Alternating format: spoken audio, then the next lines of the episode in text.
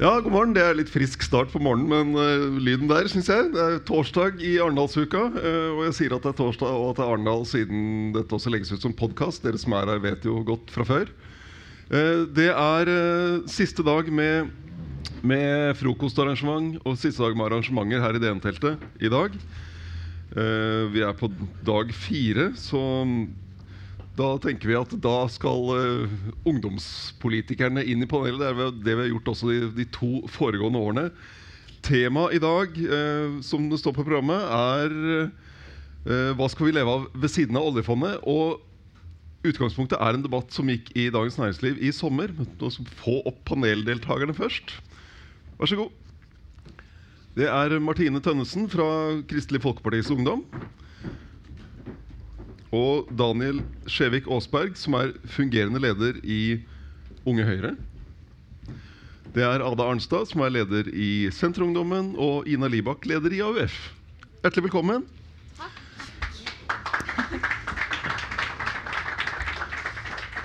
Hvor mange paneler er det blitt Martine, til nå? Eh, Altfor mange. Men det er hvert fall, det er det, dette er det tidligste. Dette er det Jeg er ikke morgenfugl, så ja. Hva, hva, hva, er det mm, dere, dere Du har vært på Arendalsuka de siste tre årene, eller hva det er. Hva, er det noe nytt? Er det noen nye er, Hva trender sånn som det, når du har løpt fra panel til panel? Er det noen nye ting i år, sånn som du opplever det? Nei, Du ser i hvert fall veldig lik ut. Vi møttes jo her i fjor også. Ja, ja. Det er liksom trygt og kjent å sitte her. da eh, Men av trender så er det jo veldig mye klima og bærekraft. Og det syns jo jeg er veldig bra, da. Men det syns jeg det er eh, enda mer av i år. Mm. Syns du av det? Eller? Jeg vet ikke. Jeg syns det, det, har vært uh, mye av det også tidligere år.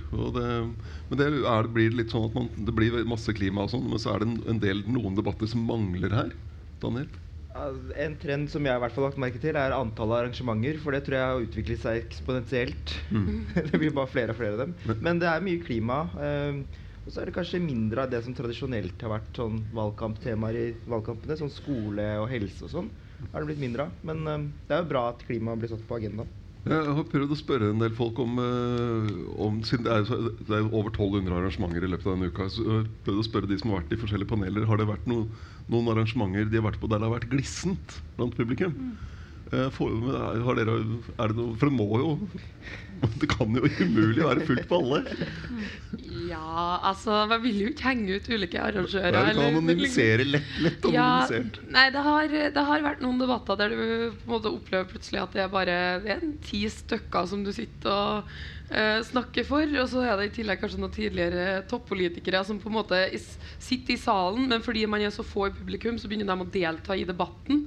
Og det er litt forvirrende for et par ungdomspolitikere å sitte samtidig som en tidligere statsråd uh, kommer med sine innspill og liksom fasit mm. på alt vi har sagt. Ja. Det er også et trekk for Noen av arrangementene i Arendal er at du har et panel som er liksom så omfattende at uh, det er nesten flere i panelet enn i ja, det er var på en sånn med, om, debatt om elsparkesykler på mandag morgen som var, var litt sånn. Ok, vi uh, jeg tenkte på da jeg forberedte dette her i går at uh, den der tittelen 'Hva skal vi leve av ved siden av oljefondet?' treffer kanskje ikke helt. For det, den debatten som, som, dere dro i gang i sommer hos oss, var jo mer hvordan skal vi få noe å leve av ved siden av oljefondet. Eh, for dere to, eller ja, det var Sandra Bruflot som skrev fra Unge Høyre, eh, skrev en kronikk i DN sammen med Sondre Hansmark fra Unge Venstre og Bjørn Christian Svensrud i Fremskrittspartiets Ungdom. Der dere skrev bl.a. at det er en utbredt misforståelse på venstresiden i norsk politikk at det er politikere som skaper arbeidsplasser. Hva var, eh, hva var, utgangspunktet for dette, Martine? Ja, utgangspunktet for det er vel eh, at uh, Vi er veldig opptatt av at det er mennesker og små og mellomstore bedrifter som er det som skaper arbeidsplassene ute i distriktene. og at Det ikke er, det er ikke politikerne som på en måte delegerer arbeidsplasser rundt om i landet. Det, er ganske, ja, det, er, det, er jo veldig mange offentlige arbeidsplasser som er liksom skole og barnehage. og sånne ting, og Det er klart at det er arbeidsplasser som man skal ha, og som er offentlige og i stor grad. Da. Det er fint med litt sånn ideelt innslag innslag der også, da. Men, eh, men er, eh, de arbeidsplassene kommer jo som en konsekvens av at man også har en annen type arbeidsplass. At du har en hjørnesteinsbedrift, eller at du har noen som starter noe som gjør at folk kan leve eh, i hele landet. Og, så det har vi vært opptatt av som regjeringens ungdomspartier.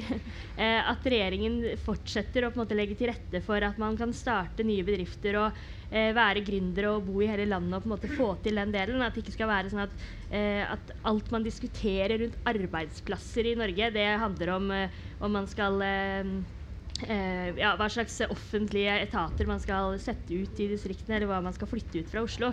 For det er klart at man gjør også det, og det gjør regjeringen. Vi har en regionreform som gjør at man flytter ganske mange arbeidsplasser ut i landet. Eh, og at det er liksom en målsetting man har. Men det er ikke det eneste. Det er ganske viktig med det private næringslivet også. Vær så god, Dere kommer på banen med et svar sammen, dere to og um, ja, lederen i Sosialistisk Ungdom, som heter Andreas Skjalg Underland. Mm. Vær så god. Ja, nei, fordi uh, Min opplevelse er jo vi, uh, vi som er på det rød-grønne ungdomsprosjektet, da, uh, vi har jo ikke noen forestilling om at det er vi som på en måte skal vedta og bestemme de nye arbeidsplassene. Men det vi vet er jo at vi kjenner til bedrifter som er f.eks. Norwegian Crystal, som er plassert i Glomfjord. da, Og som eksporterer internasjonalt. Så han konkurrerer med Kina. Det er helt fantastisk. Men når de da møter oss som politikere, så forteller de jo nettopp den fortellinga om sentralisering. De forteller at det blir vanskeligere og vanskeligere å drive i sin bedrift fordi man legger ned tilbud ytterligere og ytterligere. Og det er med på forhindre altså Det kommer et, eh, en, et smertepunkt for hvor lenge man kan drive en bedrift nær de norske naturressursene og den rene krafta vår, som nettopp er forutsetningene for de fornybare arbeidsplassene vi skal ha i framtida. Hvis man ikke har tilbudene rundt, hvis du ikke vet hvordan ungene dine eh, at de har en skole å gå på der det er variert tilbud med, på videregående, det at du ikke vet hvor langt unna fødeavdelinga flyttes og flyttes ytterligere lenger vekk, politiet er ikke til stede, du har ikke ambulanse til stede, det er helt grunnleggende ting for at vi skal klare å utvikle oss og ha noe å leve av ved sida av oljefondet. Er ikke, er ikke det en litt karikert øh, beskrivelse av virkeligheten i Norge at politiet ikke er til stede og ambulanser ikke er til stede? Men folk opplever jo det. Mm. Ja, og så eh, En av de bedriftene vi trekker, trakk frem i det innlegget, da, eksempel fra Sogndal, som hadde etterlyst bredbånd og barnehager. Jeg tror det er veldig viktig at man tar inn over seg at eh, de som driver bedrifter, de er jo ikke bare bedriftseiere eller folk som jobber i det private næringslivet. De er jo ikke sånn Ja, det er det jeg gjør, og jeg er ikke et helt menneske i det hele tatt. Jeg sitter bare her på dette kontoret, og så er det dette jeg driver med innenfor det private næringslivet. Sånn er det jo ikke. Så når vi snakker om fødetilbud, f.eks., så, er så er jo det viktig også for folk som jobber innenfor det private næringslivet. For de er jo ofte kvinner, de òg. De får barn, de òg. Og hvis de ikke er kvinner, så har de ofte en dame de er sammen med. Eh, Så det er jo viktig å tenke helhetlig på de menneskene. Hvis folk skal kunne eh, være på arbeidsplassene i hele landet, så må man se på tilbudet rundt. For de tingene henger sammen. Det går begge veier. Eh, og da si at det ikke er noe viktig i det hele tatt, det tror jeg er litt sånn farlig, farlig måte å tenke på. For da tror jeg det blir vanskelig å få folk til å bosette seg i hele landet. Daniel? Ja, men jeg, jeg er helt enig i at vi må ta vare på de gode tilbudene som vi har rundt om i landet. Og det gjør vi jo for så vidt også. og Det er jo faktisk blitt Fødetilbudet i Norge har jo blitt bedre med denne regjeringen. Og folk, altså vi har redusert fraflyttingen fra bygdene. Sånn at jeg, jeg er ikke så veldig bekymret for det, egentlig. Men det er helt, helt sant. Vi er nødt til å ta de bekymringene som folk har, på alvor.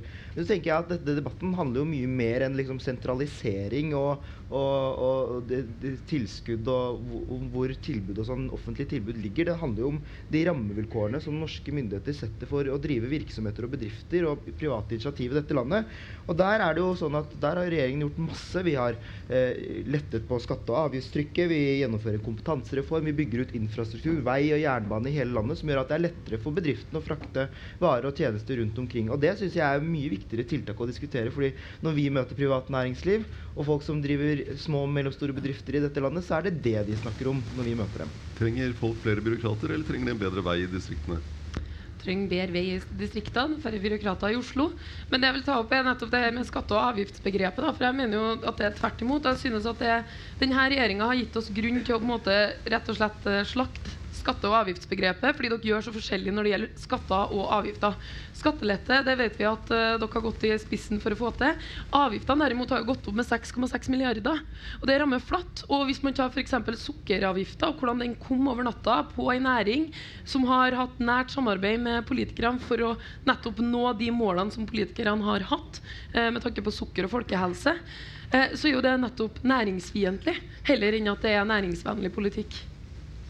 Martine? Ja, nei, jeg, det er eh, si gode poenger og sånne ting. Men jeg, jeg det, Jeg syns det er litt rart at dere sitter og, og, prater om at det er veldig viktig for, eh, for bedrifter å kunne være konkurransevennlige når to av tre da, eh, av dere vil ut av EØS-avtalen f.eks., som er ganske avgjørende for at folk kan eksportere varene sine til, til utlandet. Eh, og at man skal ha barnehager i distriktene. Helt klart man skal ha barnehager, men da kan man jo ikke gå til angrep på alle eh, barnehager som ikke er kommersielle, skulle, nei, som ikke er eh, offentlige, og skulle legge ned alle de. Så man, dere har på en måte en, en måte å angripe, eh, angripe hele liksom, diskusjonen her, som handler om at det offentlige vet best, og at det er, det er liksom politikerne som har en den beste forståelsen av hvordan man skaper arbeidsplasser og hvordan man eh, velger næringer. Dere tar til orde for å liksom, velge ut enkeltnæringer som man skal heie fram. og sånne ting. Jeg tror at vi skal, vi skal være så ærlige som at Eller jeg mener i hvert fall at markedet ikke er perfekt. Det er veldig mye man kan gjøre med liksom, markedet og, og, sørge for at ting blir bedre. Men at politikerne på en måte sitter med en eller annen sånn allmennkunnskap om hvilke arbeidsplasser det er vi skal ha i framtiden, eller hva vi skal leve av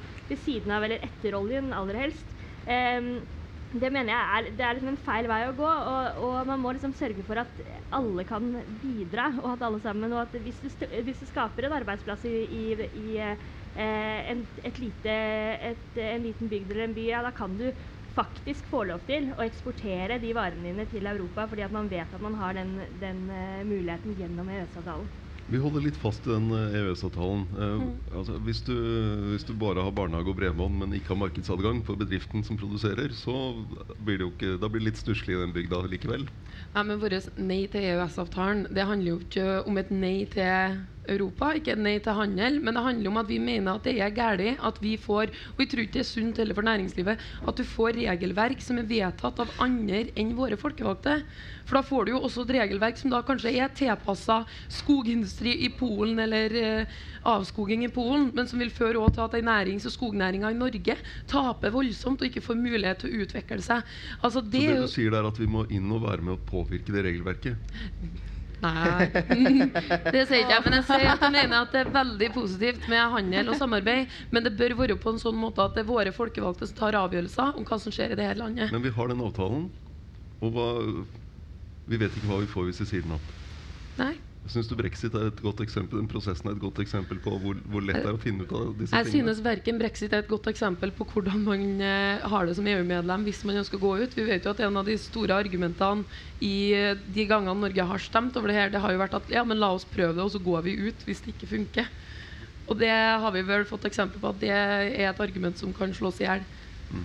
Men Vi er opptatt av å ha marked og samarbeid, men vi vil ikke ha en handelsavtale som gjør at vi ikke har folkevalgte vi kan stille til ansvar for avgjørelsene som tas. EØS-avtalen var jo ikke noe tema i den felleskronikken fra dere. Det ville kanskje blitt litt vanskelig, Ina?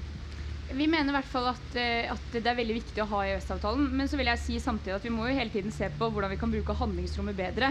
Eh, jeg tror veldig mange som er ute på arbeidsplassene i Norge, opplever at eh, arbeidslivet på mange måter har blitt hardere. Noe av det mener jeg skyldes regjeringa sin politikk og handler ikke om EØS-avtalen i det hele tatt. Men noe handler også om at man må stille strengere krav og bruke handlingsrommet i EØS bedre. Og der syns jeg bare noen ganger at det er litt sånn med argumentasjonen fra liksom regjeringsungdommen her, da, som, som, er veldig sånn uansett hva det kommer, så er det sånn Ja, du burde være veldig takknemlig for ha EØS-avtalen. Burde være veldig takknemlig for denne regjeringa har gjort sånn og sånn og sånn.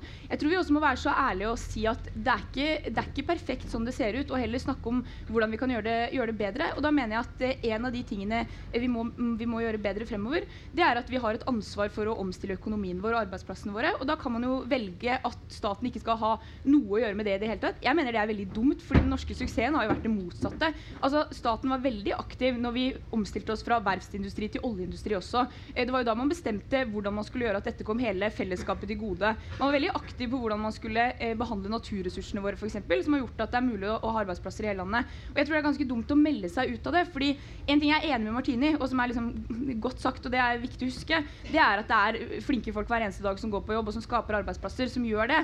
Men det skjer jo ikke i et vakuum. Det skjer jo i en ramme som politikerne legger legger. Og liksom melde seg veldig sånn ut av det og si at det har ikke vi noe med å gjøre i det hele tatt, det tror jeg er veldig dumt, for da går man glipp av mange store muligheter. Daniel? Ja, jeg syns det er en veldig spesiell kontroversiell tilmerkning til dette. For er det noe regjeringen har gjort, så er det nettopp å støtte den omstillingen. F.eks. gjennom Enova. da, Vi har støttet nye batteriferger, vi har fått på plass eh, landstrømanlegg i Oslo, som eh, det rød-grønne byrådet Kan ikke du prøve å være litt ung og fresh nå og utfordre regjeringa litt òg? Jo, jeg, jeg, kan, jeg er ung og fresh hele tiden ellers, men hver gang du angriper regjeringen, så må jeg forsvare dem. For regjeringen er ikke her, og regjeringen gjør faktisk veldig mye bra som jeg syns folk fortjener å få vite om. Bl.a. dette med batteriferger. Bl.a. nye konsesjoner for havvind. Så det er ikke sånn at vi stikker hodet i sanda og ikke gjør noen verdens ting. Vi gjør ganske mye. Og så kan jeg også gå over til å utfordre regjeringen, for jeg er enig med deg på én viktig ting, nemlig at vi kan ikke eh, Altså steinalderen tok ikke slutt fordi verden gikk tom for stein. Den gikk, tom, uh, den gikk over til bronse, som var mye bedre enn stein. Og på samme måte som det, så mener jeg også at vi har et ansvar for, eksempel, for å omstille oljenæringa.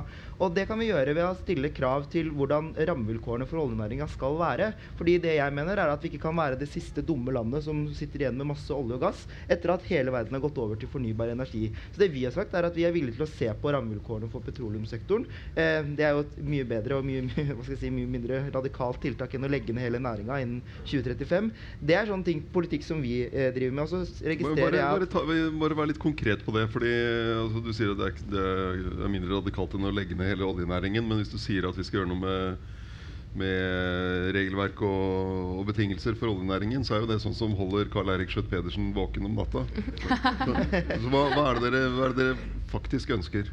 Ja, altså Det burde kanskje Ina tenke på også, at hun holder Karl Erik Schjøtt Pedersen våken om natta. Men Akkurat det er jeg ikke så bekymra for. Nei, det er, det er Fellesforbundet som plager Ina. Ja. Men ta det, hva, er det dere, hva er det dere mener der? Nei, Vi mener jo at man må se på f.eks. petroleumsskatteregimet, som er sånn i dag at man har en skattesats som summen av alle de, alle de skattesystemet eller sånn skattesystemet er innredet med skattefordelene, er at man har en fradragssats på 88% mens man har en skattesats på 78% som da Finansdepartementet kaller for et investeringsvennlig skatteregime og som er en, en, utgift, sier de, for oss skattebetalere på nesten 17 milliarder kroner hvert år. Eller jeg tror det var det i 2014 eller noe sånt. Mm. Eh, og det er jo ting som vi kan justere på. For det, kan, det skal jo ikke være mer lønnsomt å investere en hundrelapp i oljenæringa enn det skal å være å investere den f.eks. i eh, havvind eller eh, nye medisiner. Så det er jo ting som vi mener vi må rette opp. Og da er det flere ting vi kan se på da. Det er f.eks. avskrivningssatsene på sokkelen. Vi kan se på friinntekten og alle disse tingene. Men vi mener at vi kan ikke bare gå inn og skru på et uh, system som er sånn kjempefinstemt. Her må vi jo sette ned et utvalg for å finne ut hva vi faktisk kan gjøre. Men utgangspunktet vårt er at eh, skattesystemet skal være nøytralt. Mm. Martine? Ja, I stor grad så handler det jo om at man jobber med rammene og på en måte vurderer de. og der, eh, Det er jo noe vi utfordrer regjeringen på også i de, kronikkene som var. At man må legge til rette for små og mellomstore bedrifter i, i eh, distriktene. og sånne ting. Og eh, F.eks. sukkeravgiften. Eh, nå, jeg er jo fra KrF, så jeg skal jo egentlig i utgangspunktet forsvare den for alt det er verdt. og sånne ting. Og, og sånn, Sett i et helseperspektiv så er det en veldig bra avgift. Men jeg skjønner også at det var veldig krevende for næringen. Og, og det var jo liksom ikke kanskje avgiften i seg selv, men, men noe av den, eh, det som skjedde når man hadde en mindretallsregjering, eh, som jeg syns var utfordrende, som er hvorfor jeg ønsket at KrF skulle gå inn i en flertallsregjering, for at man skulle få en forutsigbarhet også for næringslivet og for små og mellomstore bedrifter, og, og for eh, egentlig bedrifter over hele landet, sånn at man ikke får sånne plutselige endringer i, i rammene. Men man, når man skal arbeide med eh, på en måte å utfordre, nei, å utvikle eh, både velferdsstaten, men også, men også eh, eh, marked og sånne ting, så mener jeg at da må man gå løs på liksom, rammene for det, og så må man la markedet også fungere litt. For hvis man går inn og bare skal kontrollere markedet i seg selv, og, og liksom legge ned veto eller et eller annet sånn, eh, så tror jeg man skaper da får, da får, du en del andre rammevirkninger eller noen andre noen andre følgekonsekvenser av det. Da. Det er derfor jeg syns det er så problematisk den kampen som venstresiden har hatt nå mot eh, alt som ikke er offentlig av velferdsgoder. Fordi at det, aller viktigste er jo at man har gode barnehager, at man har gode sykehjem, at man tilbyr gode velferdstjenester til innbyggerne. Og det er ikke så veldig farlig for innbyggerne eller de som bruker det, om det er offentlig eller privat, hvis det er et godt, eh, hvis det hvis det er en godt eh, velferdstilbud. Eh, og det mener jeg er det som er avgjørende, og det vi må legge til rette for, er jo liksom rammene rundt det, at det er godt. Eh, og ikke på en måte gå løs på om det er offentlig eller privat. Da er vi over i Jeg vet ikke, Bruker du ordet velferdsprofitører? Nei, jo Nei, nei, ikke Senterpartiet. Du, du ville ikke, valgt, du vil ikke valgt akkurat de ordene som Nei, Erna som vår fantastiske statsminister da bruker. Uh, nei, uh, men jeg må bare Det er Senter uh, Sosialistisk Ungdom og Rødt godt uh, Ja. ungdom bruker dette, men Vi mener jo at hovedandelen skal være offentlig og ideell eh, når det kommer til ulike velferdstjenester. Det tror vi er bra. Men så ser vi jo at noen plasser, og f.eks. med barnehageløftet, så var det helt nødvendig at vi hadde med de private. Og det er fantastiske gårdsbarnehager rundt om i det hele landet som driver veldig godt. Eh, og dem mener vi er bra å ha med. Men det er viktig at hovedandelen av velferdstjenestene våre det kommer fra det offentlige og de ideelle. Og så må jeg få lov til å følge opp litt på det siste som Martine sa. ja, det siste var om, om akkurat dette med velferd. Ja, eller Hun begynte jo å snakke om sukkeravgifta. Og der må jeg bare kort legge til, Men den slår jo også feilaktig ut. Så det er jo en ekstremt dårlig avgift òg i folkehelseperspektivet. Og i tillegg når det gjelder næring og det å legge til rette for næring det her er den første regjeringa som har lagt ned en næring, og dem som driver med det. Sjøl om varen fortsatt er tillatt, og det er da snakk om pels. Så det er ganske næringsfiendtlige avgjørelser som har kommet fra dere de siste åra. Eh, vi holder litt fast i akkurat dette med velferden og de private i velferden. Ja, gjerne. Har det skjedd en radikalisering i Arbeiderpartiet her? Om det har skjedd en radikalisering? Ja, Nei, det har ikke skjedd i det hele tatt. Men det som har skjedd, er jo at de kommersielle har tatt mer og mer over markedet. Eh, Og det jeg er veldig opptatt av, det er at jeg er enig i det man gjorde med barnehageløftet. Og det det var snakk om da, det var jo at veldig mange ideelle gikk inn og starta barnehage. Det er jo ikke situasjonen nå. Situasjonen er at det er sju store konserner som dominerer sektoren. Og det som, dere, som jeg syns dere må begynne å svare på også, er jo hva dere vil møte de ideelle med. For en ting er at dere ikke er enig med meg, altså det vi er nå veldig sjelden enige, så det er nå helt greit. Men det er jo sånn at de ideelle barnehagene de slår jo også alarm og sier at vi føler oss skvist ut av markedet. Vi blir skvist ut av store kommersielle selskaper. Og det er man nødt til å svare ut, for det gjør jo at de ikke får mulighet til å drive. Og så akkurat til det der med arbeidsplasser, så er jeg veldig uenig i det. For jeg syns synes det er ganske vi holder Jo, men jeg litt må på, bare få si- Du kan få ta det andre, men vi Ja. holder på dette med private velferden. Ja, men det er om det, det jeg skal Det er om det, ja. Kjempefint. Ja, det er om det. Jeg lover. Ja. Uh, Poenget, poenget er at jeg syns det er ganske dårlig business, da, for å si det rett ut, hvis det skal være sånn at store kommersielle oppkjøpsfond, store kommersielle selskaper, skal få gå inn i en sektor hvor de nesten ikke trenger å ta risiko. Fordi det er sånn det er. Det er jo finansiert av skattepengene våre. Eh, og jeg er jo et parti som liker å betale skatt hvis det går til ting som er bra, men ikke engang jeg er jo så glad i å betale skatt liksom, at jeg har lyst til at jeg skal betale skatten min, og så havner de i skatteparadiser. Det er bare et dårlig deal.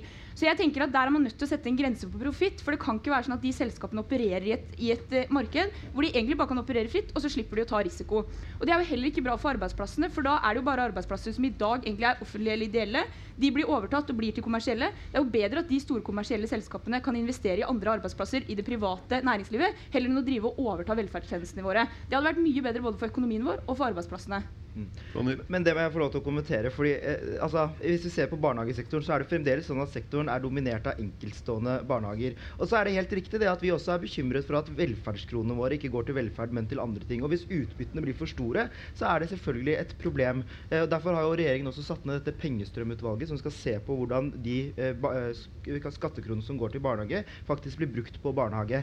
Men innenfor andre sektorer, f.eks. sykehjem og eldreomsorg og hjemmebaserte tjenester, så er det faktisk sånn at andelen eh, private har gått tilbake fra 6% til 5% Så det er ikke riktig at det kommer sånne svære multinasjonale konsern og bare overtar den norske velferden. Og så er det én ting som jeg syns Arbeiderpartiet faktisk er nødt til å svare litt på.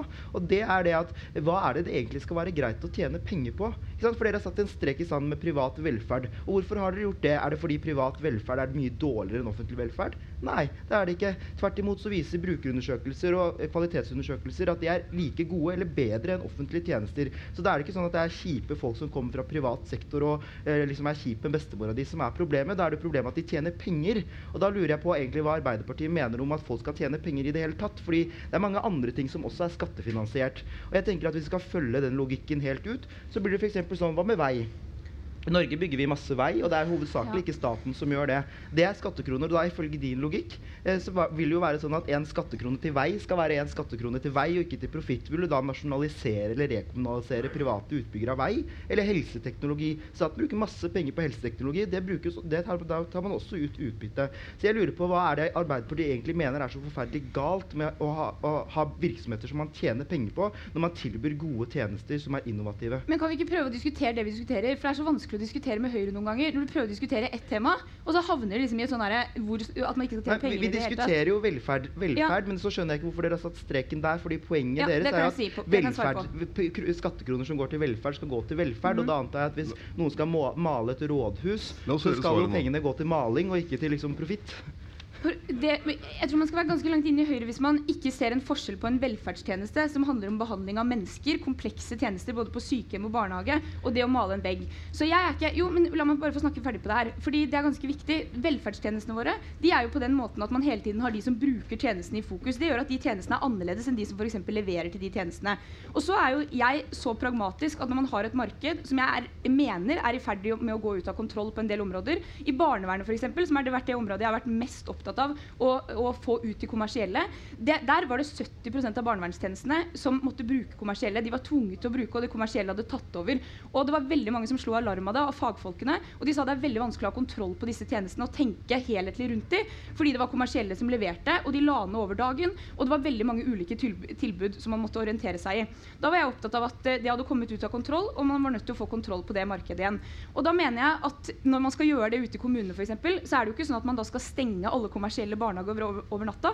Men jeg mener at det er et politisk mål at man ikke skal la de sju store konsernene dominere barnehagetjenesten på, på, den måten det er i dag. Og det er et mål at heller ikke det kommersielle skal få drive i barnevernet. Og jeg synes faktisk det er litt rart det, å ha fokuset så sterkt på de kommersielle investorene at man glemmer egentlig hvem de tjenestene skal være til for. At det er så viktig for Høyre at folk skal få lov til å komme inn i velferdstjenesten og drive. At man glemmer hvem, hvem tilbudet egentlig skal være til for. Og der tror jeg at fagfolkene vet det best. Og f.eks. på barnevern så mener jeg at de mest sårbare ungene i samfunnet vårt de fortjener et, fortjener et, helhetlig tilbud hvor man kan se det under ett, og ikke å bli kasteballer rundt i et system som var det som vi var i ferd med å se på barnevernsfeltet f.eks. Men da må jeg stille et oppføringsspørsmål. Ja, jeg lurte på om kanskje jeg skulle få lov til å stille et lite spørsmål her. Hvis det er, ja, det må du få lov til. Hvis det er greit for deg, Daniel. Um, nei, for det, i, dette var jo tema i partilederdebatten på mandag.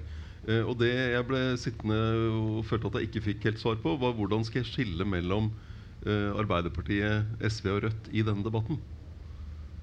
Mener dere det samme om disse tingene? Eh, Jonas Gahr Støre fikk jo det spørsmålet direkte ja. fra Fredrik Solvang. Og han svarte bare at eh, vi er Arbeiderpartiet, og det, jeg ble ikke så mye klokere av det.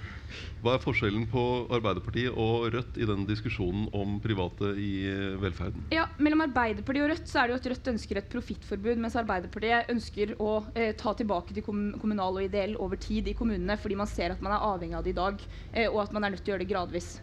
Men målet er jo det samme. Og det tror jeg egentlig ikke Eller nå skal jeg ikke for å være liksom frekk, men jeg, jeg, tror ikke det er så vanskelig å forstå heller. Jeg tror noen ganger at det blir veldig gjort veldig vanskelig av høyresida. Men hvis man har et mål i kommunene når man stiller til valg i kommunene om å ta tilbake tjenestene i offentlig eller ideell regi, så skjønner alle at det ikke vil skje over natta, men at man har det som et mål, og at man kommer til å jobbe for å få til det gradvis. Okay. Det må jeg si, for, for, for, Rødt, har, Rødt som et selverklært kommunistisk parti skjønner jeg at det er mot utbytte og sånn. Det er helt greit, og private selskaper og hele den greia der. Men at Arbeiderpartiet er det, det skjønner jeg ikke. Det syns jeg er utrolig vanskelig å forstå. Og, og, det er det som er problemet. at jeg, forstår, jeg forstår ikke hva Arbeiderpartiet mener om det. fordi de har sagt at eh, de er på linje med Rødt når de sier at de skal ha eh, profittforbud eller utbytteforbud. fordi det er ingenting som heter et privat selskap uten utbytte.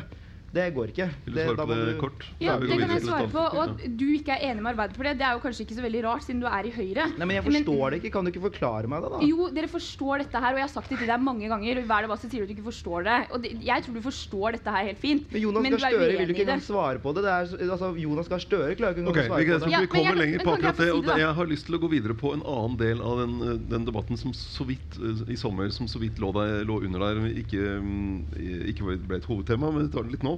Og det var Eh, at noe av det dere skrev i det første innlegget Ikke, ikke du, da, men uh, du får stå inne for det nå. Var uh, at dere var bekymret for landsmøtene på, på venstresiden i våres, som prioriterte dyre utvidelser av velferdsstaten uten å tenke på inndekning eller legge til rette for verdiskapning i privat næringsliv. hvor, hvor Eh, hvor sterkt står den kritikken fra ungdomspartiene til eh, et samarbeid som har øst ut med oljepenger i et forrykende tempo i de siste seks årene? Det er jo ungdomspartier som også har kritisert regjeringen for akkurat det. da. Så, eh, så den står seg ganske greit. Jeg, bare, jeg syns at eh, Arbeiderpartiet spesielt på landsmøtet sitt hadde en del sånn valgfleskgreier. altså sånn at, man, at man vedtar veldig dyre, store velferdsreformer, og så prater man veldig lite om inndekningen for det. Eh, og jeg, jeg, tror liksom, I hvert fall når man da skal legge ned det som er liksom private og, og, ideelle barnehager og sånne ting, så, så vil man jo få enda eh, større utfordringer i framtiden. For jeg, jeg tror liksom når vekst kommer i næringslivet, når vekst kommer i, eh, i, det, i, det, private, om det er ideelt eller om det er kommersielt, eh, så får man også inn skatteinntekter, og ting liksom går litt i seg selv. Men idet du skal drive og eh, rekommunalisere alle, alle, tjenester, og at det offentlige skal ha ansvar for alt sammen, så, så mister du en del av, av den skatteinntekten, og så blir det bare enda større utgifter. Eh, så jeg, det, det, var litt sånn derre Eh, Arbeiderpartiet på, på, liksom gikk bananas i godtebutikken og bare kjøpte med seg alt for å, for å, på en måte være for alle ting som koster mye. Og det syns jeg var liksom eh, veldig vanskelig å forholde seg til. Det, det å gå bananas i godtebutikken er jo blitt veldig dyrt når man har sukkeravgiften. Ja. men, men uh, dette her handler jo uh, Vi har snakket en del om uh, ulike tjenester og sånn lokalt, og opprettholde det ene og opprettholde det andre. Og så har man jo det perspektivet fremover med finansieringen av statsbudsjettet og folketrygdutgifter som eh, vokser, og eh, veksten i oljefondet er ikke så stor som før. Har vi råd til altså for Svaret fra Senterpartiet er jo ofte at vi skal bevilge mer til kommuner, mer til mm. politi, mer, vi skal ta oss råd til enda flere fødetilbud. Hvordan, hvordan får du det regnestykket til å gå opp? Om jeg får lov til å begynne der, men jeg synes alltid det er interessant å bli belært i prioriteringa av det å gå bananas i godtebutikken av den gjengen som ikke har prioritert og har brukt like mye oljepenger på fire år som vi brukte på åtte år. Det er ganske heavy, og det viser en evne til å ikke prioritere. Så når det gjelder med tilbud og sånt, eh, der er jo, vi mener jo at det er veldig bra at vi utnytter hele landet. At vi er, vi er et langstrakt land, vi har naturressurser overalt. Og de har vært viktige for vår utvikling. Og det har ikke, for å ta mitt eget uh, heimfylke, det har ikke vært sånn i Trøndelag at når det var mye inntekter i Innlandet, så flytta man fra kysten og til innlandet, og du lot kysten ligge brakk. på en måte. Og Nå ser vi jo den motsatte trenden. Nå er det jo kysten der det skapes mye verdier, mens det er mindre av innlandsverdiene. Og Da tror vi at det er klokt å legge til rette for at folk kan bo nær naturressursene våre. Fordi vi vet aldri hvilken av dem som kommer til på en måte å være de mest lønnsomme i morgen. Men vi vet at det har vært suksessen i Norge, det er at vi har vi er veldig rike på naturressurser. Sjeldent rik på naturressurser. Og dem har vi utnytta på en klok måte. Og I tillegg så er det, at vi har hatt en befolkning med små forskjeller mellom folk, som gjør at uh, man kan tjene seg kunnskap, utdanne seg, uavhengig av bakgrunn. Og Det har gjort at kloke hoder ikke har blitt sittende hjemme pga. hva foreldrene tjener, men har kunnet blitt ingeniører eller fagarbeidere.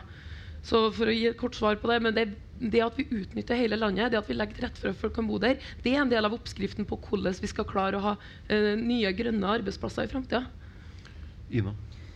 Ja, akkurat med det Martine sier med, eh, med kommersielle, så er jo jeg, jeg er veldig uenig i det der. For jeg, jeg syns ikke at det gir Eller jeg, jeg, skjønner virkelig ikke hvordan det gir bedre inntjening til staten at kommersielle tar ut skattepengene våre og plasserer det et annet sted. Altså Jeg mener at det er dårlig økonomisk business også.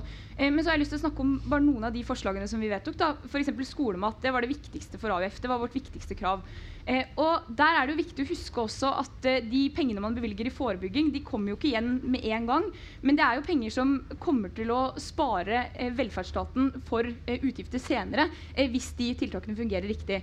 Og det er jo grunnen til at jeg synes at skolemat er noe av det viktigste. fordi skolemat, og det viser forskninga også, sammen med skatt, da, eh, hvor dere ikke er villige til å gjøre så veldig mye, så nå, dere kan jo se på det om dere er villige til å gjøre noe med skolematen, men, men, det er en av de få tingene man kan gjøre som virkelig reduserer forskjellene mellom folk i landet vårt. Eh, det gjør at folk vil få bedre, bedre, helse, og det gjør at de ungene som kanskje ikke ville lært seg å spise sunn næringsrik mat, eller som ikke ville kommet seg gjennom skolen fordi de ikke spiser i løpet av skoledagen, de får en bedre skolehverdag, og det tjener vi veldig mye på på sikt. Så en del av de tiltakene som går på forebygging forebygging, de er vi nødt til å, eh, de er, de er vi nødt til å diskutere i et mer sånn langsiktig perspektiv. og Der skulle jeg ønske at vi som er unge, da, hvert fall kunne ha et perspektiv som var litt lenger. Og så bare en siste ting, jeg skal være veldig kort på det. Men, men, noe av det jeg er mest bekymra for, som vi har sett de siste årene, det er jo det med oljeavhengigheten. Eh, og Der skulle jeg ønske at eh, regjeringa hadde tatt mye større grep på det. I Sverige så øker jo eh, investeringene i industri på fastlandet. Det gjør det ikke i Norge. Eh, og hvis vi fortsetter på den måten vi holder på med nå, så er det også ganske store muligheter som kommer til å gå fra oss. Eh, og Det er grunnen til at jeg er liksom bekymra når jeg hører ungdomspartiene er så lite villige til å bruke statlige penger, at staten skal ta risiko. For det har vært en suksessoppskrift før. Og hvis vi ikke gjør det nå, så tror jeg andre land kommer til å stikke stikke med hele suksessen på, vind, på eh, havvind f.eks., på karbonfangst og -lagring, eh, bli testingsenter for elfly. Alle de tingene hvor Norge nå kan investere nå mens vi ennå har muligheten og økonomisk rom for det. Eh, om ti år så er vi ikke der, og da har muligheten gått fra oss. og Da kan vi sitte her liksom med skjegget i postkassa og være veldig oljeavhengig. Jeg skal ikke ha noe skjegg i postkassa. Altså det. Eh, Daniel, du skal få svare på dette, og så skal jeg stille dere et spørsmål om kemnerkontorer. Ja, jeg skal eh, si at eh, jeg, er, jeg er også veldig bekymret for de eh, 3 av barna som ikke har med seg matpakke på skolen. Det er jeg. Og jeg har ikke noe mot skolemat. Jeg bare mener at når regjeringen og vi som politikere skal bruke penger på ting, så må vi bruke pengene på det som har størst effekt. Skattekutt til de som det- har mest. Nei, og det er, det er altså ingen undersøkelser som viser at det å gi skolemat til barn er det som har størst effekt på læring. Tvert imot så viser alle undersøkelser at en god lærer, som eh, foreldrene ikke kan pakke ned i ryggsekken til barna sine, det er den aller viktigste innsatsfaktoren for at vi skal få flere eh, og bedre, eh, be, altså bedre skole som gjør at flere fullfører. Jeg har veldig høye ambisjoner på vegne av norske elever, på vegne av norsk skole. Vi har sagt at 5000 flere barn skal fullføre videregående når vi er eh, ferdig i denne perioden. Og det er et skikkelig hårete mål som jeg håper at vi når. Eh, ja, altså det, det, var, det jeg prøvde å, å dra i gang her i stad, var jo litt hvor mye har vi altså, kan, kan, kan, vi virkelig ta oss råd til å opprettholde alt mulig rart av uh, ting som f.eks. postbud som går rundt uten post og, og sånt. Og en av de sakene som, har vært, uh, som var fremmet av uh, den daværende Høyre-Frp-regjeringen, var en endring i strukturen for kemnerkontorer. For nå er det jo drøssevis av kemnerkontorer rundt omkring i hele landet, og de ville rasjonalisere dette og ha noen færre. Eh, og det, da, da var jo da, det, jo ingen, det var jo en sånn kjærlighetsaksjon for det lokale kemnerkontor. Folk har jo ikke elsket eh, kemneren så høyt noensinne før. Og det ble jo stanset eh, på Stortinget fordi man eh, altså, er det, er det meningsfylt å opprettholde altså, postbud uten post og kemnerkontorer som kunne vært rasjonalisert og gjort dette litt enklere og billigere? Alle de fantastiske kemnerkontorene vi har i det hele landet. Nei, men altså, det, det er jo klart at det Er er, er det har du noe eksempel på ting du mener faktisk kan rasjonaliseres eller effektiviseres? Men det vil vi høre på folk lokalt. Vi mener at det er viktig at de er med å bestemme, og det er voldsomt hvor mange som på en måte sitter og er sånn skal bestemme over andre. Hvordan hverdagen deres er, hvor fornøyd de skal være med postombudet og leveringa av det. Og for noen så er det faktisk kritisk når du to- hva er det, 2,5 dager i uka nå at du får eh, posten levert. Ehm, så det er på en måte, men det blir veldig fort sånn at man sitter et sted, og så dømmer man over et annet sted og forteller på en måte, nei, men det kunne vi gjort mer effektivt. Du trenger bare ett kemnerkontor på Helgeland. Det er snakk om seks timer reiseavstand for mange. Uh, og det kommer mest sannsynlig til å bli lagt til Mo. da, Det betyr at det blir, liksom, det blir lagt helt nord. Det er mange som får store avstander. Men det jeg vil si òg hvor, hvor mange her har vært på kemnerkontoret siste året? Eller siste, siste fem årene kan rekke opp hånda. Fysisk dratt til kemneren. Men om, jeg, men om jeg får lov til å følge opp litt òg. Fordi det man ser fra f.eks. hvis du tar kommunereform, en annen sentraliserende reform, en annen er der man sitter og sier sånn og sånn skal dere ha det, det er ikke så viktig, men det er rådhuset. Hvis du ser hva som skjedde i Danmark, der de òg gjennomførte en kommunereform, så var det jo ikke eh, målet og intensjonen som jeg kan forstå. Jeg forstår mange tenker det, det er jo nettopp å spare penger, effektivisere. De opplevde det motsatte. Du får flere heltidspolitikere, du får flere byråkrater, større administrasjon, og det blir dyrere i stedet for å være billigere. Så det er noe med et par av de her gitte sannhetene om at bare vi slår det i hop, så kommer det til å bli billigere og mer effektivt. Men det har blitt motbevist, og jeg er sikker på at det kommer til å skje nå. Skjer på nye Viken, skal bygge nytt eh, fylkeshus ikke sant? til flere, eh, kommer til å koste enorme summer. Og det samme med at du får flere heltidspolitikere. Kjempeproblem. Vi trenger flere deltidspolitikere som faktisk har en vanlig jobb, møter folk når de plukker opp i barnehagen, er på en måte til stede og er representanter for folket på deltid i kommune og fylke. Nå får vi flere heltidspolitikere, og det er et usunt trekk. Martine. Ja, eh, er, Vi lever jo liksom i 2019, og da er det en del ting som har forandra seg. Og en del ting som gjør at man må legge om noen av de strukturene som er i, i samfunnet vårt. Altså, eh, før så dro man til banken for å ta ut penger. Nå gjør du ikke det. Du betaler med, med et bankkort stort sett, og har en minibank som du eventuelt kan ta, ta ut. Eller du kan ta ut i butikken for den saks skyld. Eh, Nav-kontoret måtte du oppsøke før. Det trenger du ikke. Du kan gå på nav.no, så kan du gjøre veldig mange tjenester der. Eh, og det gjør at man kan ikke opprettholde alle ting akkurat sånn som det var for 30 år siden, for, bare fordi at det, eh, noen lokalt har lyst til det. Jeg har aldri vært på Kremnerkontoret. Jeg, knapt, jeg eh, som politiker har knapt vært på rådhuset i min egen kommune. Eh, og nå har man en diskusjon om eh, hvor man kan ta kjøre opplæringen, altså hvor Statens vegvesen skal være, og hvor det er man kan ta førerkort. Du skal ta førerkort forhåpentligvis det er bare én gang i løpet av livet ditt. Eh, og, eh, og, og, at det har litt reisevei den ene dagen, det går bra. For man kan ikke opprettholde alt akkurat sånn som det var før man fikk en digitalisert revolusjon, og hvor man eh, faktisk eh, har kuttet ut en god del stillinger eh, som man før hadde, fordi at man kan løse ting på internett. Sånn at man, det liksom handler litt om å følge med i tiden og på en måte ikke eh, Og jeg mener at sånn som Stortinget er, da Stortinget skal ta store avgjørelser, og de skal se ting i helhet. Og de skal eh, ta noen avgjørelser som gjelder alle. Og da, eh, da, må på, da, må de gjøre noen av de upopulære valgene også, og ikke bare på en måte lytte til hva befolkningen på enkeltsteder sier. Vi er eh, straks uh, over, over, tiden. Uh, vi har noen få minutter igjen. Jeg bare tenkte, Nå skal jo dere drive intens valgkamp i uh, Hvor mange uker er det igjen, egentlig? Tre, tre uker. Tre tre, Å, herregud. tre, ja, tre uker til. Vi glemmer tid og sted på Arendalsuka. Ja, sånn er det. Uh, det skulle bare vært fire uker i Arendalsuka, så valg. nei, ja, nei, jeg skulle ikke det. Uh, Daniel, hva er du mest spent på i denne valgkampen? Eh, jeg er mest spent på hvordan Høyre gjør det, faktisk. Det, det kan, altså, jo, jo, ikke, hvor, ikke, hvor, avhengig dere blir av sånn crazy bomlister rundt omkring. Det er selvfølgelig også litt spennende, da. Men jeg tenker jo først og fremst uh, på hvordan, om vi klarer å ta til makten i de store byene, f.eks. Oslo, Bergen. Eh, Trondheim er vel uh, kanskje litt optimistisk å håpe på, men, men, i hvert fall de store byene som vi, har, som vi styrte i forrige periode, og om vi klarer å, å komme tilbake der. Ja. Martine, det her er jo det første valget etter et, en, ja, et dramatisk år for partiet. Hva, hva, betyr, eh, hva betyr det inn i den sammenhengen? Ja, Det er vel det jeg er mest spent på. Hva betyr det inn i den sammenhengen? Jeg tror jo KrF samarbeider jo veldig forskjellig lokalt, så at dette kan liksom slå ut alle veier. Jeg vet ikke. Så det blir spennende å se. Men jeg tror jo sånn helhetlig for partiet så er ikke, det er ikke dette her som på en måte jeg opplever som den store testen på, på eh, det vedtaket som man hadde i høst. Eh, rett og slett fordi det er lokalvalg, man har ulike samarbeidskonstellasjoner, men også fordi at det tar litt tid å bygge partiet også etter en så dramatisk runde som det vi hadde. Mm. Eh, Ina, det ser jo ikke sånn veldig oppløftende ut for dere på målingene. Hva, hvilke suksesskriterier da, har du for dette valget? Hva mener du? Hva, hva, som, uh, hva vil du trøste deg med på, på valgdagen? Det, altså, oppslutningen ligger jo ikke sånn, så veldig høyt i dag, men da hender det jo at politikere har De peker på hvilke byer, noen viktige kommuner, eller altså storbyene, eller ja. hva, hva, er viktig? Ja, hvordan, hvordan måler du hvordan dette gikk?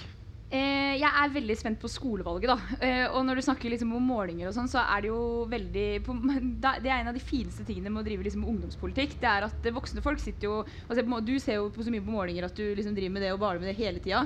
Eh, men når vi kommer ut på skolene og møter eh, vanlige liksom, unge folk, da, så ja, er min opplevelse at veldig mange av de egentlig syns det blir liksom mye målinger. For hvis du er litt sånn nysgjerrig på hva partiene mener og egentlig er mest opptatt av å snakke om sak og politikk, så tror jeg ganske mange unge er, er sånn Eh, for oss så er det veldig spennende å følge med på de nyhetene. Og jeg er jo kjempeinteressert i hvordan eh, vi gjør det, hvordan Venstre gjør det. og alt sånn. Men hvis du egentlig lurer mest på hva Arbeiderpartiet og Venstre og Høyre og sånn mener, eh, så er du jo litt mindre opptatt av det. Så jeg syns det er det beste, fordi når vi kommer rundt på skolene, så er det veldig lite snakk om politisk spill og målinger og alt sånn. Og veldig mye snakk om liksom hverdagen til folk. da. Og da er jo mitt mål at vi skal klare å vinne tilliten her. Men det er ikke noe menneskerett å få velgere, og det er ikke noe menneskerett å vinne skolevalget. Så det blir jo hard jobbing for, fra vår side å vise elevene at vi er den tilliten verdig. Mm. Ada, hvordan er det å være utropt til valgets vinner flere uker før det er holdt? Um, veldig stressende. Eller egentlig ikke. Altså, det, er jo, det, er skikkelig Det er kjempeartig å se at så mange viser tillit til oss. Men samtidig så er det jo klart at meningsmålinger er meningsmålinger. Og vi har fått signaler om på en måte altså Det er jo det er ikke første meningsmålingene vi ser da som tyder på det. Eh, men likevel, altså, det beste med valget er jo at vi reiser rundt og vi merker at det er i stemning. Og har, altså, det har forandra seg.